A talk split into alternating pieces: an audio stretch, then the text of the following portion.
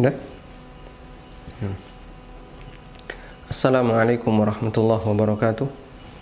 الحمد لله رب العالمين والصلاة والسلام على أشرف المرسلين نبينا ومولانا محمد وعلى آله وصحبه أجمعين وأشهد أن لا إله إلا الله وحده لا شريك له وأشهد أن محمدا عبده ورسوله صلى الله عليه وعلى آله وصحبه وسلم تسليما كثيرا. Alhamdulillah kembali kita melanjutkan pembacaan kitab Khud Aqidatak dan kita sampai pada pertanyaan yang ke-32. Di pertanyaan yang ke-32 penulis menyampaikan kaifa naruddu su'al syaitan man khalaqallah. Bagaimana cara kita untuk menolak bisikan setan yang dia mengajak orang untuk berpikir siapakah yang menciptakan Allah. Jawaban yang disampaikan oleh penulis, "Idza waswasa syaitanu li ahadikum hadha su'al, falyasta'id billah." Apabila setan membisikkan was-was semacam ini, pertanyaan seperti ini dalam hati kita, maka hendaknya kita mengucapkan a'udzu billahi minasyaitonir rajim. Falyasta'id billah, maka bacalah isti'adah yaitu kalimat a'udzu billahi minasyaitonir rajim. Sebagaimana yang Allah ajarkan di surat Fussilat ayat 36.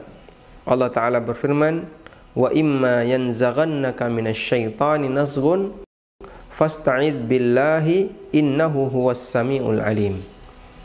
Apabila setan memberikan gangguan kepadamu, nazgun dengan satu gangguan. Fasta'id billah, maka mintalah perlindungan kepada Allah dari gangguannya. Dengan mengucapkan a'udzubillahi minasyaitonirrajim innahu huwas samiul alim. Sesungguhnya dia dia zat yang maha mendengar lagi maha mengetahui. Dan berdasarkan ayat ini Nabi sallallahu alaihi wasallam ketika membaca ta'awud beliau melengkapinya dengan redaksi a'udzubillahi samiil alim Aku berlindung kepada Allah yang maha mendengar lagi maha mengetahui. A'udzu billahi samii'il alimi minasyaitonir rajim. Wa 'allamana ar-rasul sallallahu alaihi wasallam dan Rasul sallallahu alaihi wasallam mengajarkan kepada kita an narudda syaitan untuk menolak tipuan setan wa naqulu dengan kita mengucapkan amantu billahi wa rusuli aku beriman kepada Allah dan kepada semua utusannya. Kemudian mengucapkan atau membaca surat al-ikhlas qul huwallahu ahad allahus samad lam yalid wa lam yulad wa lam yakul lahu kufuwan ahad Thumma liyatful an yasiri an yasarihi thalathan. Setelah itu meludah ke arah kiri tiga kali. Dan yang dimaksud meludah di sini adalah meludah uh, yang hanya keluar percikan-percikan air diiringi dengan uh, udara yang keluar dari mulut. Diiringi dengan udara yang keluar dari dari mulut. Kemudian meludah sebanyak tiga kali wal yasta'id minasyaitan. Kemudian mintalah perlindungan kepada Allah dari gangguan setan. Wal yantahi setelah itu hentikan sampai di sini. Jangan dilanjutkan. Dalam arti tidak perlu kita pikirkan konsekuensinya. Wah nanti jangan-jangan saya sudah kafir saya tak mengulang syahadat dan seterusnya. Fa inna dzalika yadhhabu anhu.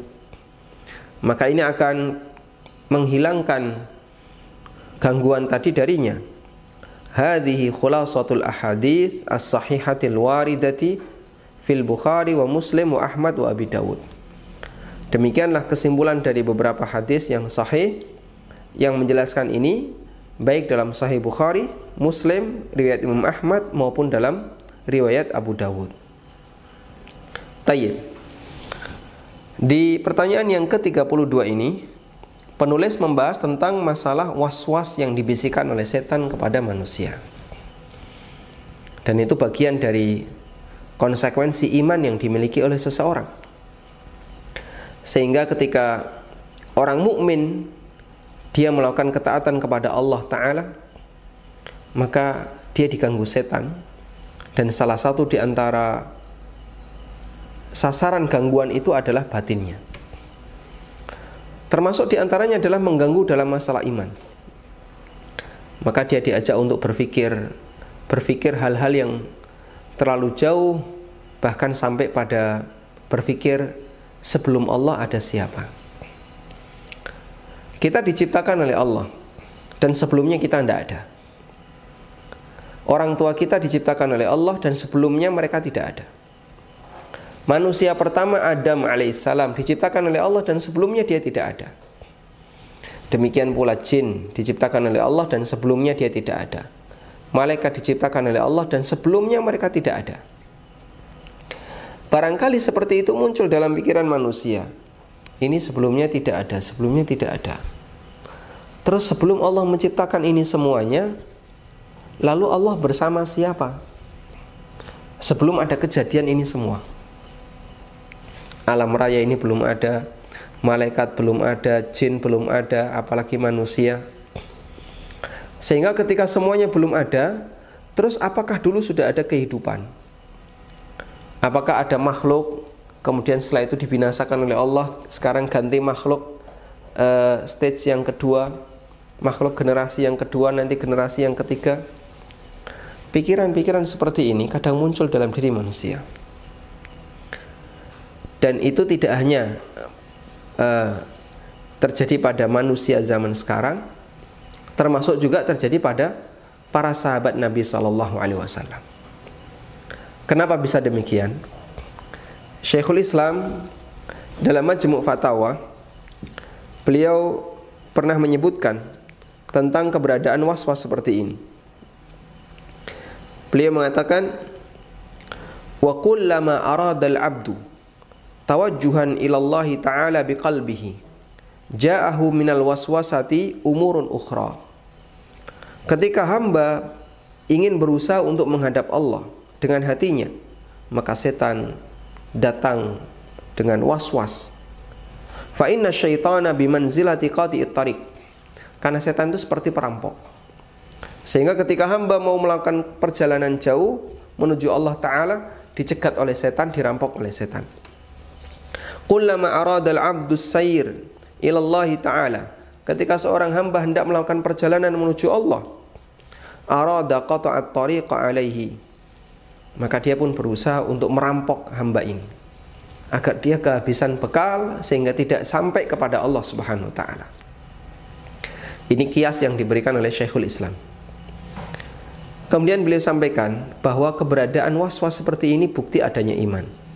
Walihada karena itulah kila li ba'dis salaf. Ada sebagian ulama salaf yang pernah mendapatkan laporan dari orang lain. Dan ada yang mengatakan ini adalah Ibnu Abbas. Datang orang kepada Ibnu Abbas. Lalu orang itu menyampaikan, "Wahai Ibnu Abbas, sesungguhnya innal yahuda wan nasara yaquluna la nuwaswas." La nuwaswisu. Sesungguhnya Yahudi dan Nasrani mereka itu mengatakan ketika kami beribadah kita nggak ada perasaan was-was sama sekali. Kita itu ketika beribadah bisa khusyuk, bisa fokus, bahkan bisa nangis. Bahkan ketika kita beribadah kita sangat menyelami ibadah yang kita lakukan. Qala apa kata Ibnu Abbas? Sodaku. Benar yang dia sampaikan. Benar mungkin benar yang dia sampaikan. Ketika mereka beribadah bisa fokus, bisa khusyuk sehingga mereka tidak ada was-was dalam hatinya. Sodaku mereka benar. Wa ma yasna'u syaitanu bil baitil kharab. Karena ngapain setan akan mencuri? Ngapain setan mencuri rumah yang sudah binasa, yang sudah hancur? Ibaratnya ketika uh, orang itu sudah nggak punya apa-apa lagi, ngapain setan ganggu dia? Padahal dia ngapain perampok maling di situ padahal dia sudah nggak punya apa-apa lagi. Ngapain setan goda orang Yahudi dan Nasrani yang sedang beribadah sementara mereka sedang fokus untuk melakukan kesyirikan. Sehingga justru malah dimotivasi biar semakin khusyuk, biar makin bagus ibadahnya. Karena itu tidak heran ketika ada orang yang sedang melakukan kegiatan bid'ah tenggelam dalam amalan bid'ah yang sama sekali tidak pernah diajarkan oleh Nabi wasallam. Dia ketika melakukannya bisa sambil nangis. Bisa khusyuk, fokus. Bahkan ketika melakukannya dia bisa menyelaminya. Sambil menari-nari, ya, kepalanya digoyang-goyangkan. Atau orang Syiah yang memukul-mukul punggungnya dalam rangka untuk menyesali kenapa saya dulu tidak membela Husain. Dia lakukan itu dengan penuh khusyuk, bahkan rasa sakit pun terasa nggak seperti tidak terasa. Anda bisa bayangkan ya, benda-benda tajam dipukulkan di punggung sampai keluar darah dan kadang dipukulkan di kepala sampai keluar darah dan mereka bisa melakukan itu dengan semangat. Kok nggak terasa sakit? Kok nggak terasa sakit? Ya, namanya manusia pasti sakit. Cuman mereka fokus seperti itu bisa jadi karena setan menggoda dia, setan membuat dia semakin khusyuk, semakin bisa menyelami perbuatannya karena dia sedang melakukan perbuatan kesesatan. Tayyib. Karena itulah keberadaan was-was seperti ini kata Syekhul Islam itu bagian dari upaya setan untuk merampok hati manusia. Sekarang kita akan bacakan beberapa hadis yang menyebutkan tentang kejadian was-was yang dialami oleh para sahabat. Ada buku yang berjudul Alamul Jinni Wasyayatin Alam Jin dan Setan Buku ini ditulis oleh Dr. Umar Sulaiman Al-Ashqar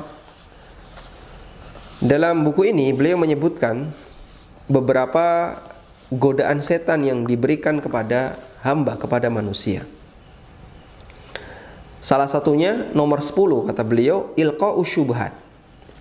Setan menyesatkan manusia dengan cara membisikkan syubhat, memberikan was-was syubhat dalam dirinya. Penulis mengatakan, "Wa min asalibihi fi idlalil ibad." Termasuk di antara cara setan untuk menyesatkan manusia adalah za'za'atul akidati bima yulqihi min syukukin wa syubhat. Setan membuat keraguan dalam hati seorang hamba. Waqad hadzarana Rasulullah sallallahu alaihi wasallam min ba'di hadhi syubhat allati yulqiha. Dan Nabi sallallahu alaihi wasallam pernah mengingatkan ini dari syubhat yang dilemparkan oleh setan. Disebutkan dalam hadis riwayat Bukhari Muslim dari Abu Hurairah radhiyallahu anhu. Dari Abu Hurairah radhiyallahu anhu Rasulullah sallallahu alaihi wasallam bersabda, "Ya'ti syaitanu ahadakum." Setan mendatangi kalian. Fayaqulu lalu dia membisikkan, "Man khalaqa kadza, man khalaqa kadza." Coba kamu lihat. Mana yang lebih dulu, ayam ataukah telur? Ayam dari telur, telur dari ayam. Nanti sebelum ini ada ini, ada ini, ada ini. Sampai akhirnya yang terakhir adalah hatta yaqul man khalaqa rabbak. Sampai setan itu membisikkan, siapa yang menciptakan Rabbmu? Faida balagahu lalu Nabi wasallam mengatakan faida balagahu jika sudah sampai pada tingkatan seperti itu falyasta'id billah. Maka ucapkan kalimat a'udzu billahi minasyaitonir rajim wal yantahi setelah itu diam. Setelah itu jangan dilanjutkan. Waliantahi diam. Jangan dilanjutkan. Artinya apa? Kamu nggak perlu mikir panjang pikiran seperti itu dihentikan. Dan tidak perlu dipikirkan kelanjutannya. Nanti kita akan bahas itu. Hadis ini diriwayatkan oleh Bukhari dan Muslim yang menjelaskan tentang uh, was-was yang ada dalam hati manusia. Dan ini juga dialami oleh para sahabat. Sehingga mereka datang kepada Nabi Shallallahu Alaihi Wasallam mengadukan kondisi perasaannya. Disebutkan dalam Sahih Muslim dari Abu Hurairah radhiyallahu anhu. Beliau bercerita, "Ja'a nasun min ashabi Rasulillah sallallahu alaihi wasallam ila Nabi sallallahu alaihi wasallam." Ada beberapa orang yang mendatangi Rasulullah sallallahu alaihi wasallam, fasa'aluhu. Lalu mereka bertanya kepada beliau, inna najidu fi anfusina ma yata'adhamu ahaduna ayatakallama bihi kami jumpai dalam hati kami kami jumpai dalam hati kami yang kami itu nggak berani untuk mengucapkannya. Untuk cerita saja dia nggak berani. Qala kemudian Nabi sallallahu alaihi wasallam sudah tahu apa yang dimaksudkan oleh para sahabat ini. Awaqad wajadtumuhu? Awaqad wajadtumuhu? Betul kalian mendapatkan perasaan seperti itu? Qalu mereka menjawab na'am. Dan yang dimaksud di situ adalah perasaan tadi. Sebelum Allah menciptakan ini terus Allah bersama siapa? Apakah Allah sendirian? Nggak ada siapa pun di antara makhluknya. Terus Allah ngapain? Apakah Allah nganggur? Lalu dia mikir-mikir terlalu panjang. Kemudian sahabat menyampaikan ini kepada Nabi Sallallahu Alaihi Wasallam. Apakah kalian juga menjumpai perasaan seperti itu? Mereka menjawab, "Na'am." Qala kemudian beliau bersabda, "Dzaka sarihul iman." Itu bukti sarihul iman, itu bukti kemurnian iman. Hadisnya riwayat Bukhari. Dalam riwayat yang lain, beliau mengatakan tilka mahdul iman. Itulah kemurnian iman. Artinya disebabkan karena kamu punya iman, setan membisikkan seperti itu untuk merusak imanmu. Sehingga di sini mereka ketika mendapatkan perasaan seperti ini justru oleh Nabi Sallallahu Alaihi Wasallam dianggap bahasanya itu bukti kamu punya iman. Sehingga beliau tidak menganggap kamu telah terjebak dalam kesesatan. Beliau tidak mengatakan kepada sahabat ini, kamu telah terjerumus ke dalam pemikiran yang sesat kekufuran, kamu harus ngulang syahadat. Tidak ada demikian. Dan bahkan para sahabat berusaha untuk menghilangkan keraguan-keraguan seperti ini. Karena berkali-kali mereka mendapatkannya dari bisikan setan. Diriwayatkan oleh Abu Dawud dalam sunannya dari Ibnu Abbas radhiyallahu anhu Beliau menceritakan ja'a rajulun ilan Nabi sallallahu alaihi wasallam. Datang seseorang kepada Nabi sallallahu alaihi wasallam. Lalu dia mengatakan, "Ya Rasulullah, inna ahadana yajidu fi nafsihi ya'ridu bisyai'i li ayyakuna hamhama ahabba ilaihi min ayyatakallama bihi." Ya Rasulullah, kita kadang menjumpai perasaan dalam diri kita dan kita nggak berani untuk berbicara, nggak berani untuk menyampaikannya karena saking uh, mengkhawatirkan kalimatnya. Faqala kemudian Nabi sallallahu alaihi wasallam mengatakan, Allahu akbar. Allahu akbar. Allahu akbar. Dan itu kalimat keheranan. Takbir itu salah satunya diucapkan ketika kita melihat sesuatu yang mengherankan yang itu uh, menunjukkan kebesaran dan keagungan Allah. Allahu Akbar. Allahu Akbar, Allahu Akbar. Lalu beliau memuji Allah. Alhamdulillahilladzi radda kaidahu ilal waswasa. Segala puji bagi Allah yang menolak bisikan setan hanya sampai pada derajat was-was. Artinya, setan nggak berhasil untuk mengajak sahabat ini meyakini apa yang dia bisikkan, tapi hanya sebatas sampai pada tingkatan was-was. Sehingga dalam hal ini setan berusaha untuk menyesatkan, tapi ternyata uh, dia gagal untuk bisa melakukannya. Tayyip, ini tiga hadis yang tadi kita baca yang berbicara tentang uh, bisikan setan yang diberikan kepada manusia untuk menanamkan was-was, menanamkan uh, apa kesesatan akidah dalam diri manusia. Tayyib. Dan kata Syekhul Islam, jika orang berusaha untuk melawan seperti ini, maka status dia sebagaimana seorang mujahid yang melawan musuh. Di Majmu' Fatawa di jilid yang keempat ya, halaman 178 beliau mengatakan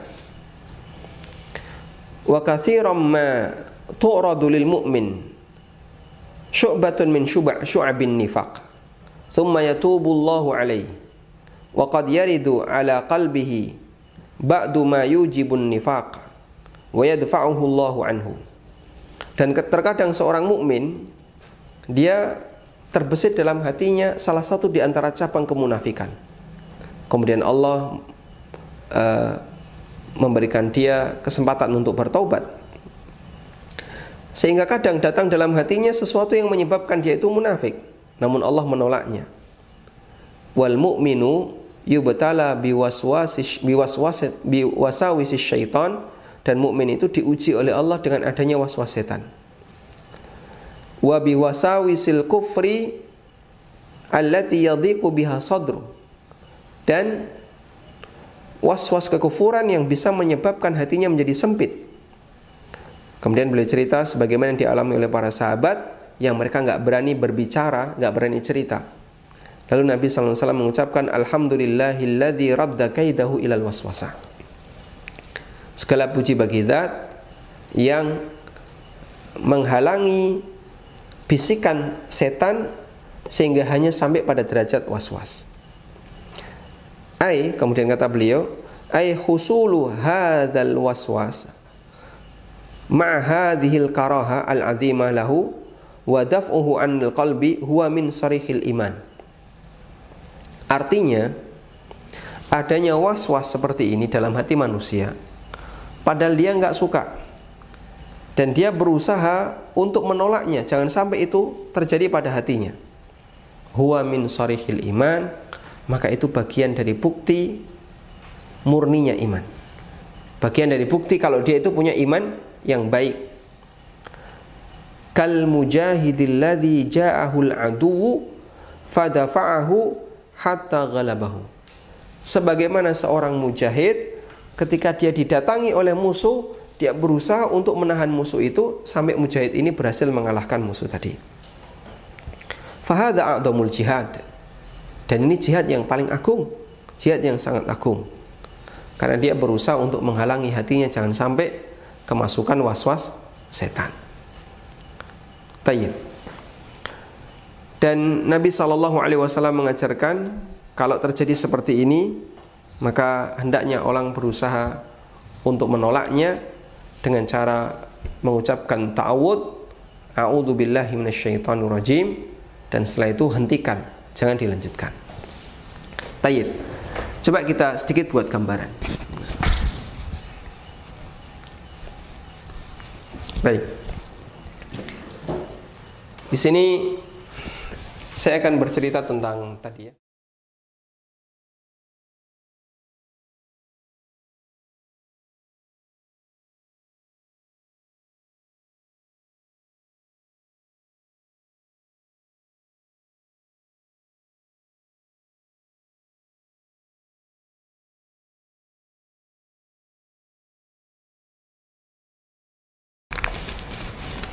Dan jika sudah sampai pada tahapan keyakinan, maka dicatat sebagai amal. Dicatat sebagai amal. Was-was yang menyimpang. Ketika keterusan akhirnya jadi keyakinan, maka jadilah keyakinan yang menyimpang. Dan itu bisa saja terjadi pada manusia, bahkan sangat mungkin terjadi pada diri seorang sahabat Nabi Sallallahu Alaihi Wasallam seperti dalam beberapa kasus yang tadi kita sampaikan dalam hadis dan Rasulullah Sallallahu Alaihi Wasallam menyampaikan kepada mereka agar menghentikan jangan sampai dilanjutkan kejadian seperti itu.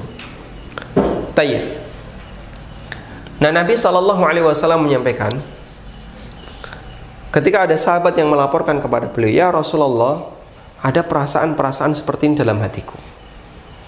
Kemudian Nabi Sallallahu Alaihi Wasallam bertanya, Apakah betul kalian mengalaminya? Betul. Lalu Nabi SAW mengatakan, Dzaka sorihul iman. Itu adalah bagian dari bukti sorih iman. Dan yang dimaksud sorry di sini adalah khalis. Iman yang murni. Bukti dari kemurnian iman. Maka kemurnian iman itu akan diuji oleh Allah dengan keberadaan was-was tadi. Nah, kemurnian iman ini ketika kecampuran was-was, lalu was-was itu mengendap, sampai akhirnya keterusan, maka ini bisa menjadi hilang dan jadilah iman yang rusak. Muncul keyakinan misalnya ya. Ini datang was-was dan was-was ini sebagai kotoran iman. Ketika was-was itu masuk di sini bercampur lalu dia mengendap dan bertahan di sana, maka sorry iman ini nanti bisa menjadi kotoran iman, nifak. Jadilah kondisi kemunafikan. Ya. Seperti yang terjadi pada orang-orang liberal. Ya. Dia membayangkan ya. kayak gini, kayak gini, kayak gini, akhirnya terlalu jauh ke sana. Dalam masalah takdir dia berbicara. Ya. Kenapa ya kayak gini? Kenapa kayak gini? Terlalu jauh berbicara dalam masalah takdir. Nah, ketika terlalu jauh berbicara dalam masalah takdir, sampai akhirnya muncul kesimpulan. Kalau begitu, jika amal perbuatan manusia itu adalah ditakdirkan oleh Allah, berarti Allah nggak adil. Maka agar kita tetap meyakini Allah Maha Adil, maka kita harus meyakini bahwa amal perbuatan manusia itu tidak diciptakan oleh Allah. Jadilah dia kelompok Qadariyah yang menolak takdir dan meng, uh, yang tidak mengimani bahasanya amal perbuatan manusia adalah ciptaan Allah Subhanahu wa taala. Padahal Allah tegaskan dalam Al-Qur'an, "Wallahu khalaqakum wa ma ta'malun." Allah yang menciptakan kalian dan Allah yang menciptakan perbuatan kalian. Nah, itu berawal dari was-was tadi yang dia mengotori sorry iman, iman yang kemurnian iman tadi, akhirnya jadi mengendap, jadilah kotoran, jadilah kenifak. Nifak itu berarti imannya sudah kotor. Tapi kalau ini ditahan, ya, ini ditahan, sehingga sorry iman itu tetap dalam kondisi murni, maka, maka sorry iman yang akan bertahan.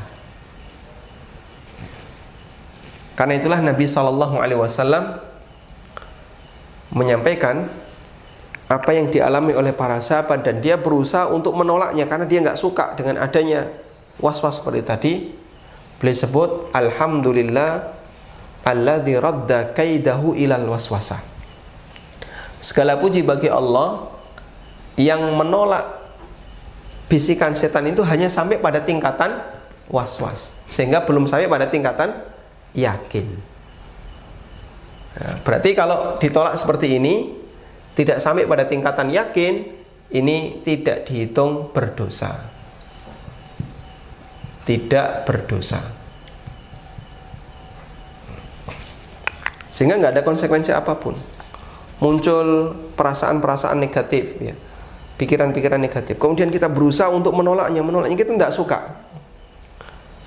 Kita tidak suka maka keberadaan perasaan negatif tadi, bisikan-bisikan negatif tadi tidak menyebabkan kita berdosa. Baik. Kemudian Nabi Shallallahu Alaihi Wasallam menyampaikan beberapa saran agar kita bisa menolak was-was.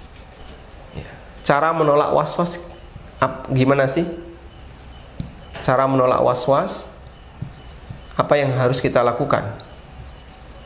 Yang pertama, adalah membaca ta'awud isti'adah. Dan ini Allah ajarkan dalam Al-Qur'an wa imma syaitanu nazghun fasta'id billahi innahu was-samiul alim.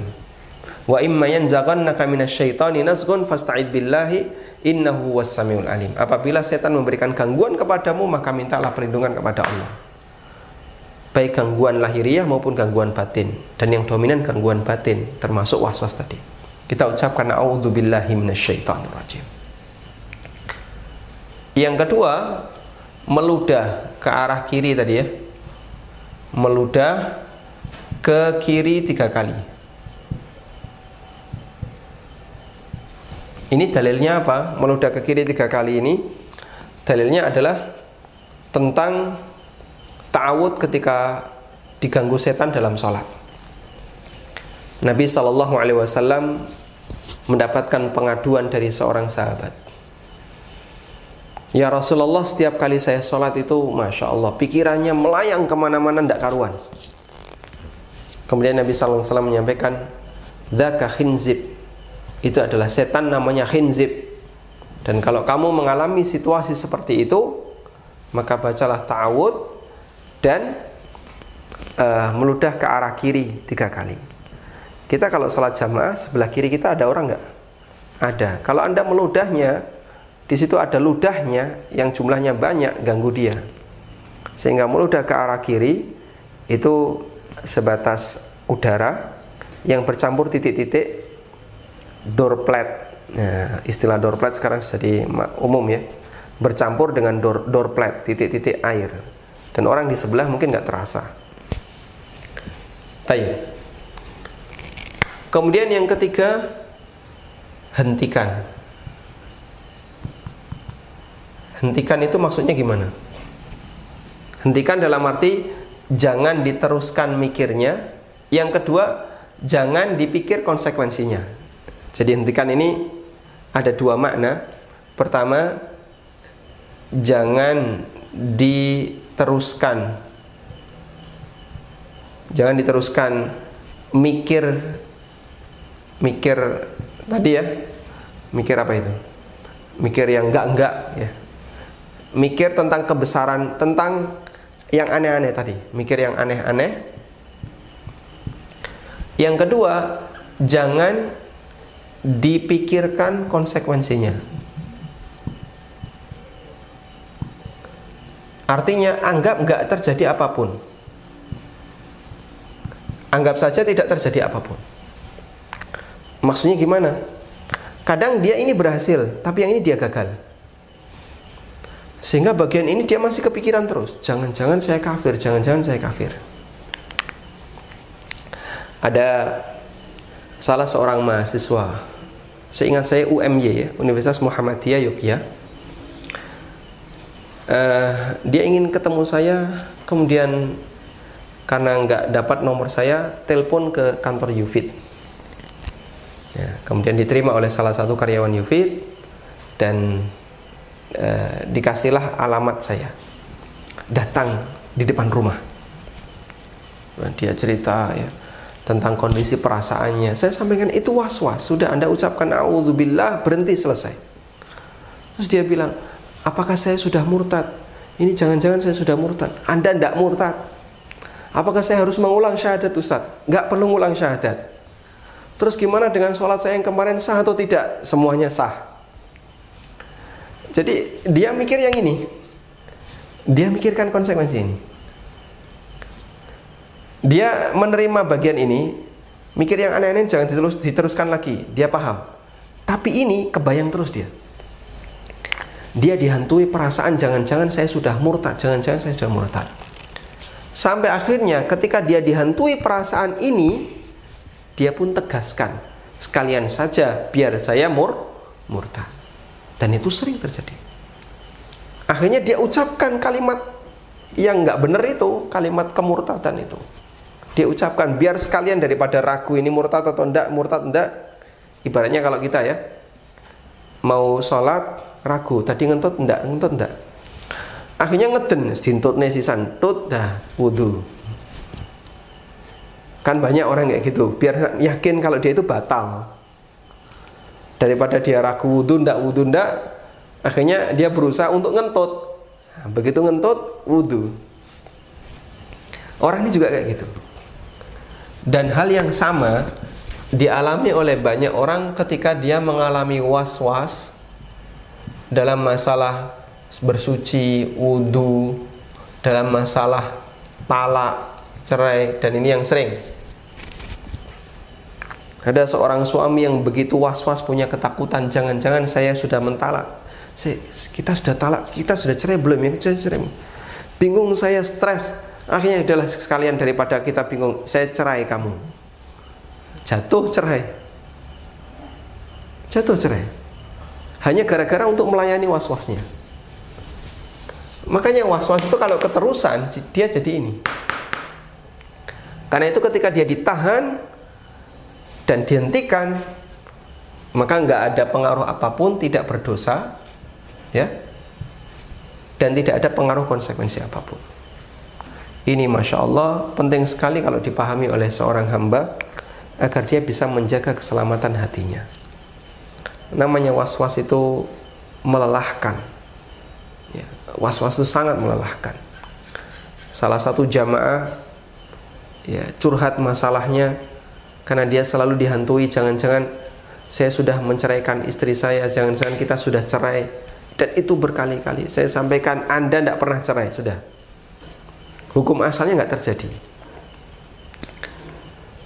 Karena itulah orang yang mengalami was-was dia diminta untuk mengamalkan bagian yang sangat yakin dan buang buang uh, bayangan-bayangan was-was itu sampai nggak usah dipikirkan konsekuensinya. Sebagaimana ini terjadi dalam masalah akidah, ini juga terjadi dalam masalah amalan seperti masalah toharo, masalah talak, masalah sholat juga sama masalah Nabi SAW pernah ditanya oleh seorang sahabat Ya Rasulullah saya menjumpai ada sesuatu kayaknya yang keluar dari perut.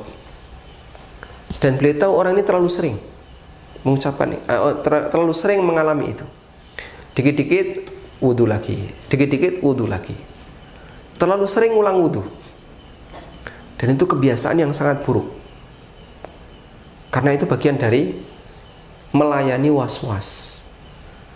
Akhirnya Nabi SAW menyampaikan kepada sahabat ini hadisnya riwayat Bukhari Muslim. La tansarif hatta yas hatta tasma'a sautan au tajidarihan.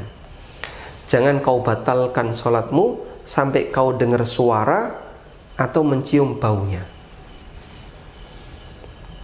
Masya Allah ngentut dengar suara sama mencium bau kita memang pernah mengalaminya tapi mungkin jarang.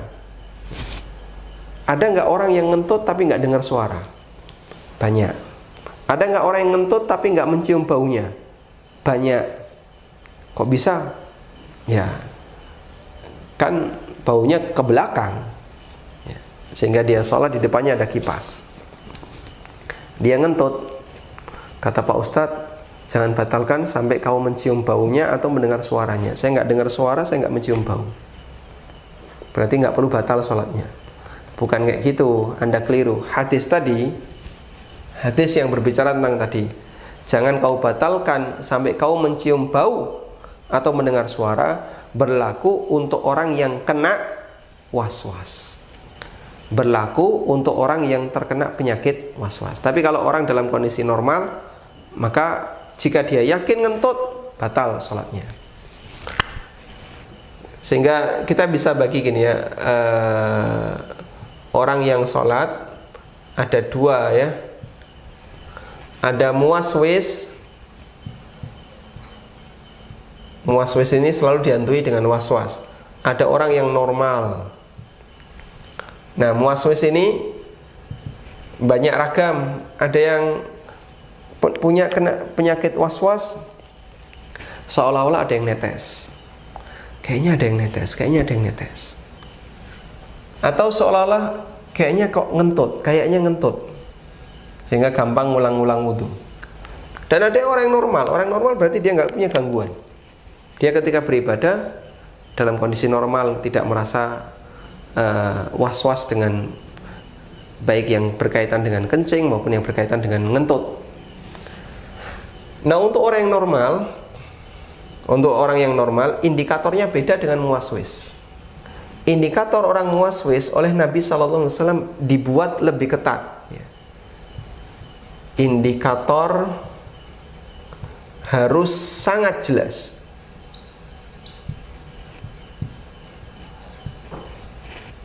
Sehingga di situ harus ada bukti Khusus untuk orang muaswis apa buktinya? Keluar suara, dengar suara, atau mencium bau. Kalau yang ini indikatornya lebih ringan. Indikator ringan. Sehingga kalau Anda yakin ngentut, ya berarti batal. Meskipun tidak mendengar suara maupun mencium bau karena Anda di posisi sebagai orang yang normal. Beda dengan orang muaswis ini. Indikatornya harus sangat jelas. Karena itu hadis tadi, hadis riwayat Bukhari Muslim, jangan kau batalkan sholatmu sampai kau mendengar suara atau mencium bau berlaku untuk muaswis, tidak berlaku untuk orang normal. Nah, saya pernah mendengar ada salah satu jamaah yang bilang kayak gitu, katanya orang ketika ngentut dan dia tidak mendengar suara atau tidak mencium bau nggak perlu membatalkan. Masya Allah. Lah ibu yakin nggak ngentut? Yakin. Kalau yakin ngentut ya batal. Meskipun tidak mencium bau atau mendengar suara. Karena hadis itu berlaku untuk muaswis. Ya. Makanya kita sarankan. Dan ini penyakitnya bapak-bapak yang punya penyakit was-was terkait masalah kencing. Kalau anda selesai kencing selesai buang air kecil kemudian setelah disiram bersuci pakai celana seolah-olah ada yang netes. Dan itu terlalu sering. Bayangan seolah-olah ada yang netes itu terlalu sering.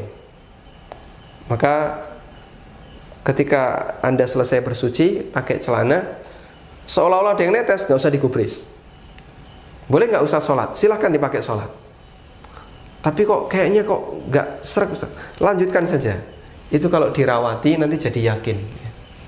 Was-was kayak gitu kalau dirawati jadi yakin Nah, ketika diikuti, akhirnya Anda uh, ganti celana, itu seperti itu akan keterusan sehingga melayani was-was itu justru akan merusak ibadah kita. Baik, ini was-was terkait dalam masalah ibadah. Sehingga ada was-was terkait masalah uh, terkait masalah apa tadi? Keyakinan, terkait masalah iman, ya.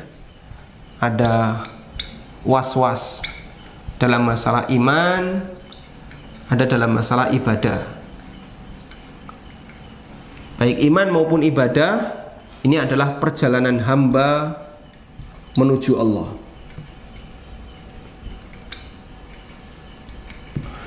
Sehingga dalam perjalanan hamba menuju Allah, maka setan berusaha untuk menghalangi sehingga dia sebagai perampok di sini. Setannya adalah perampoknya. Agar hamba tidak melanjutkannya. Dalam masalah iman dia dirampok agar muncul uh, syubhat, pemikiran-pemikiran menyimpang, bayangan-bayangan menyimpang tentang Allah.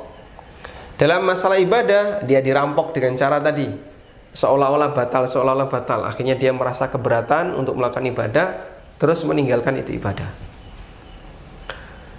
Dan itulah usaha setan untuk menghalangi hamba menuju Allah Subhanahu wa taala.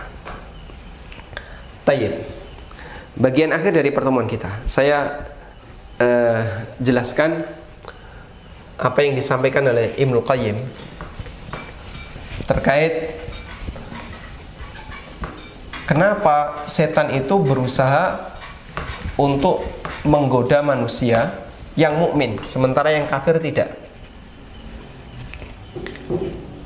Jadi beliau Ibnu Qayyim rahimahullah menggambarkan hubungan antara godaan setan dengan hamba itu sebagaimana sebuah rumah. Ada rumah, ya, saya nggak pintar gambar. Sebagaimana sebuah rumah dalam rumah ini di rumah ini ada satu celah. Dan celah itu ada dalam setiap rumah kecuali yang dilindungi oleh Allah. Apa celah itu? Celah ini adalah syahwat. Manusia pasti punya syahwat. Manusia pasti punya syahwat. Di sinilah celah yang ada pada diri manusia. Manusia punya nafsu sehingga dia punya syahwat. Maka setan berusaha untuk masuk dari sini. Sebagaimana maling berusaha untuk masuk ke dalam rumah manusia melalui celah. Padahal di situ ada pintu masuk. Tapi kenapa dia nggak lewat pintu masuk? Kalau lewat pintu masuk pasti diusir. Karena itu salah satu cara adalah lewat syahwat ini. Lalu gimana yang dilakukan oleh setan? Jika pemiliknya lengah, dia masuk. Tapi kalau pemiliknya selalu sadar diri dengan zikrullah, maka pemiliknya akan selalu terjaga dalam kondisi siaga. Nah, setan nggak berani masuk. Dia selalu mengawasi kapan pemiliknya lengah. Nah, agar selalu siaga, maka hamba harus melakukan zikrullah. Sehingga siaganya hamba adalah zikrullah. Lengahnya hamba berarti meninggalkan zikrullah. Begitu dia tinggalkan zikrullah, setan masuk. Dan di saat itulah dia akan menguasai atau berusaha untuk mengambil isi rumah ini. Nah, sekarang kata beliau ada tiga kemungkinan. Ya. Yang pertama, ya, gubuk reok gubuk reot ya. rumah miring tidak ada apa-apanya. Yang kedua rumah biasa.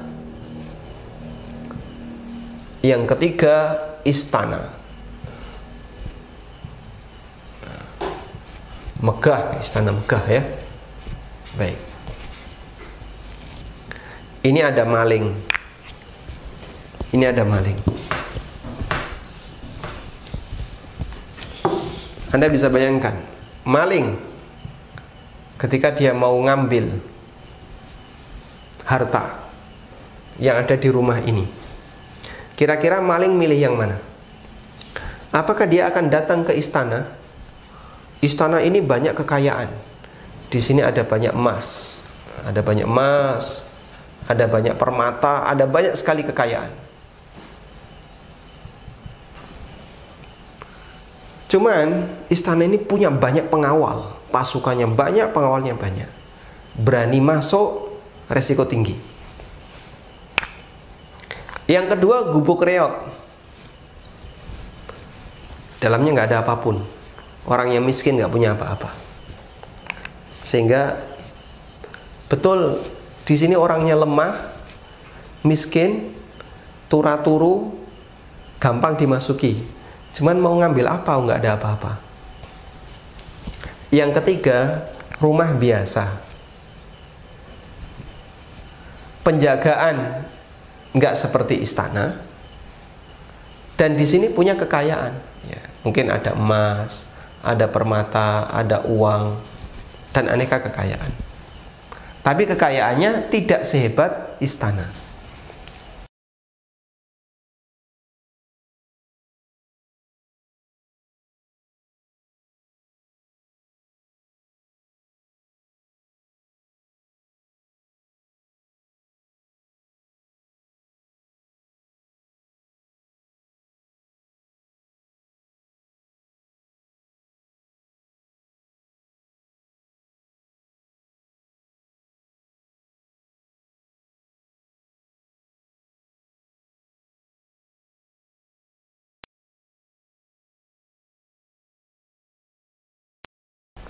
Lalu Ibnu Qayyim mengatakan ini hati orang kafir. Gak ada yang bisa dicuri. Mereka nggak punya iman. Mereka nggak punya amal. Mau ngambil apa? Dia tidak melakukan iman dan tidak melakukan ibadah. Apa yang bisa dimanfaatkan? Istana ini adalah para nabi dan orang-orang yang sangat soleh para wali Allah yang tingkatannya tinggi. Setan nggak berani ganggu. Seperti Umar bin Khattab radhiyallahu anhu ya. Yang kata Nabi sallallahu alaihi wasallam ketika Umar berjalan kemudian setan lihat maka setan mengambil uh, jalan yang lain. Karena ketakutan. Saking ketatnya penjagaannya. Sehingga orang yang selalu menjaga zikrullah nggak pernah lepas. Dan dia dijaga oleh Allah Ta'ala sehingga setan nggak berani yang ketiga. Ini nggak dilakukan karena nggak ada isinya. Nomor tiga nggak dilakukan karena sangat beresiko. Yang terjadi adalah yang tengah ini. Dan inilah kita muslim. Yang dia tidak maksum. Dan tingkat dikurullahnya ya kadang ingat kadang lupa. Maka tinggal selanjutnya tugas kita masing-masing sejauh mana kita berusaha untuk menjaga rumah ini. Dengan dilakukan siap sikap siaga, selalu siaga. Bagaimana bentuk siaganya? Zikrullah. Nah, ketika dia selalu zikrullah, dia selalu siaga, maka setan nggak berani masuk. Ketika tidak zikrullah, setan masuk untuk mencari perbendaharaan kita, yaitu iman dan amal soleh yang kita miliki. Wallahu taala alam. Demikian yang bisa kita sampaikan. Semoga menjadi kajian yang bermanfaat. وصلى الله على نبينا محمد وعلى آله وصحبه وسلم. وآخر دعوانا أن الحمد لله رب العالمين. والسلام عليكم ورحمة الله وبركاته. سبحان الله